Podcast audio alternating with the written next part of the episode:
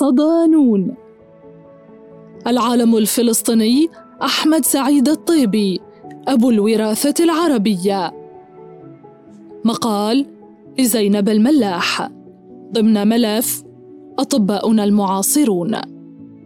نولد في بلدان دون سبق اختيار ثم تتشرب أرواحنا ملح الأرض.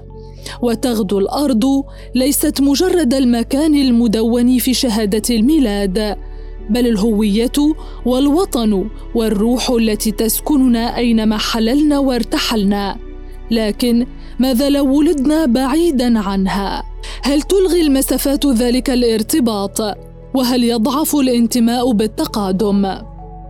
حكاية اليوم ذات شجون تحكي عن القدر الذي يختار لبطلنا الشتات في أصقاع الأرض لكنه يحمل اسم وطنه في ترحاله. وعن النفوس الكبيرة التي لا تعرف الانكسار مهما صعب الطريق. اليوم نروي سيرة عالم جليل عرف بأبي الوراثة العربية. الطبيب الفلسطيني أحمد سعيد الطيبي رحمه الله. الذي ارسى الاساس لعلم الأمراض الوراثية في الوطن العربي واكتشف العديد من المورثات المسببة للمرض. ولد أحمد سعيد الطيبي في لبنان عام 1949 بعد أن اضطر والده لترك يافا عقب الاحتلال الإسرائيلي. ولأن فرص العمل كانت صعبة لوالده انتقلوا إلى سوريا. وعاشت عائلة الطيب حياة الفقر في قرية بسيطة من قرى مدينة حما، حيث كان يصعب على الوالد حتى شراء الحليب لطفله البكر أحمد. انتقلت العائلة بعدها إلى الكويت.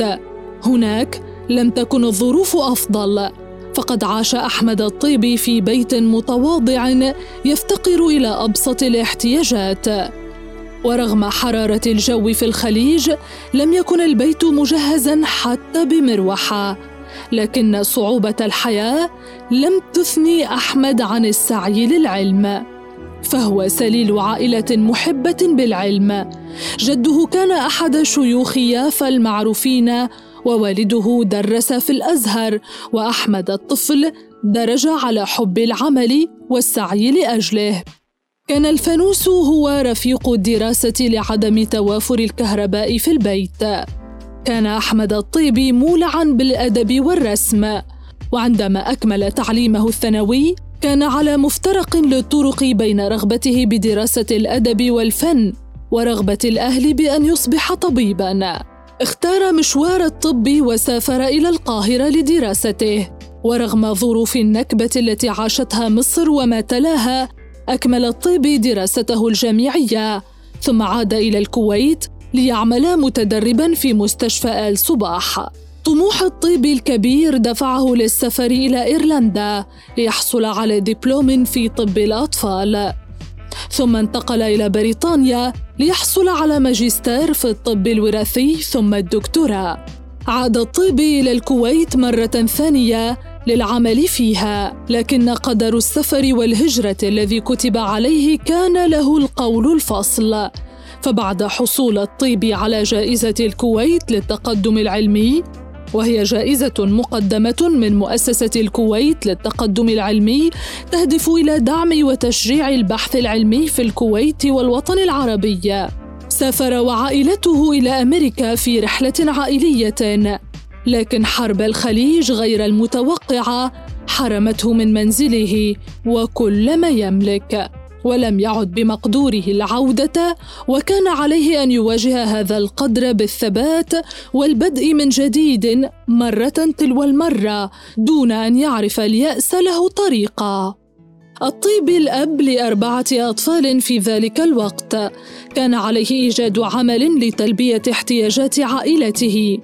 لكن دراسته الأكاديمية أهلته للعمل في البلدان العربية والأوروبية لذلك بدأ رحلة أخرى بالعمل كمتدرب في جامعة ييل ليكمل تدريبه خلال ثلاث سنوات. انتقل الطيبي للعمل في جامعة ماكجيل بمقاطعة مونريال كندا التي تتحدث الفرنسية لكن صعوبة اللغة والإندماج فيها جعلته يبدأ رحلة أخرى لينتقل إلى تورنتو. في تورنتو عين البروفيسور الدكتور أحمد الطيبي رئيس قسم الوراثة والتشوهات في مستشفى الأطفال. وخلال سنوات عمله في طب الأطفال لفت انتباه الطيبي التشوهات الولادية وعلاقتها بالوراثة. ما دفعه للبحث عن الجينات المسببة لتلك الأمراض والتشوهات. خلال سنوات دراسته واطلاعه على المراجع العلمية الطبية وجد الطيب اهتمام علماء الوراثة بالأمراض الوراثية في مختلف الأجناس. لكن لم يهتم أحد على الإطلاق بالأمراض الوراثية عند العرب. الأمر الذي أحزنه كثيرا لتهميش العرب وعدم اهتمام الآخرين بهم. هذا ما دفعه بشكل خاص لفكرة البحث والتحري عن الأمراض الوراثية عند العرب، لا سيما أن أغلب المجتمعات العربية ينتشر بها زواج الأقارب، الذي يؤثر بشكل كبير على ظهور الصفات المتنحية والأمراض الوراثية. النقلة التي أحدثها البروفيسور أحمد سعيد الطيبي كانت بتأسيسه لعلم الوراثة العربي حيث قام بعدة خطوات لينقل ريادته في مجال الوراثة من المجهود والعمل الفردي إلى العمل المؤسساتي والمجهود الجماعي الذي يعود بالنفع على المجتمع العربي ككل. أول ما فعله الطيبي هو تأسيسه للجمعية الأمريكية الشرق الأوسطية لأطباء الوراثة لتضم جميع المهتمين بالإسهام والبحث عن الأمراض الوراثية عند العرب.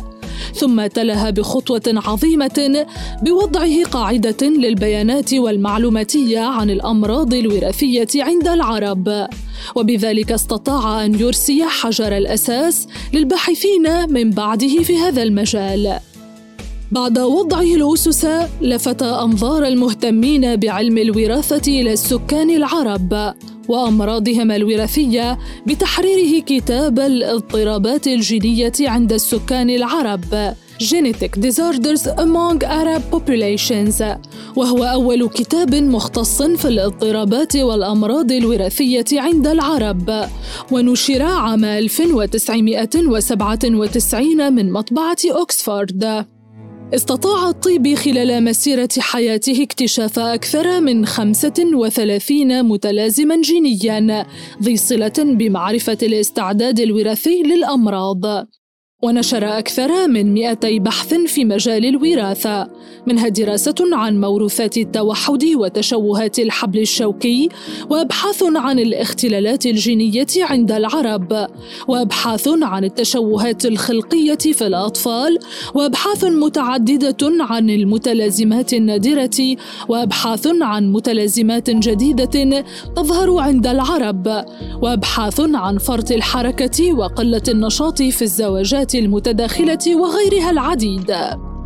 الطيبي الذي كان خبيرا في علم الأمساخ بالجامعة الأمريكية للاجتماعات الوراثية البشرية وعضوا في مجلس إدارة وتحرير المجلات العالمية المتخصصة بالوراثة والحاصل على جائزة المؤسسة الأوروبية للعلوم عام 2001 حاول بكل جهد أن ينقل معرفته عن طريق تدريب العديد من الطلاب والباحثين العرب في مجال الوراثة.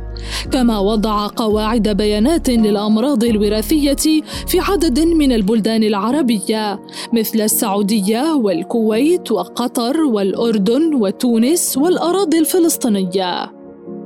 وخلاف تخصصه العلمي عرف عن أحمد الطيبي شغفه بالأدب وموهبته بالرسم. كما أن غربته عن بلاده وحياته التي قضاها في الشتات لم تستطع أن تقطع جذورها حيث ساهم في تأسيس العديد من المدارس المختصة بتعليم اللغة العربية والعلوم الإسلامية للجالية العربية والمسلمة في مونريال كندا. رحل أحمد الطيبي العالم المتواضع الذي لم يكن يتوانى عن مساعدة الناس والاهتمام بأمورهم عام 2010 في تورنتو بعد صراع مع مرض السرطان. ليترك للبشرية ارثا قيما من العلم والأبحاث ويترك للشباب درسا كبيرا عن الاجتهاد وقوة الإنسان عندما ينهض بقوة أكبر بعد كل ظرف قاس يمر عليها.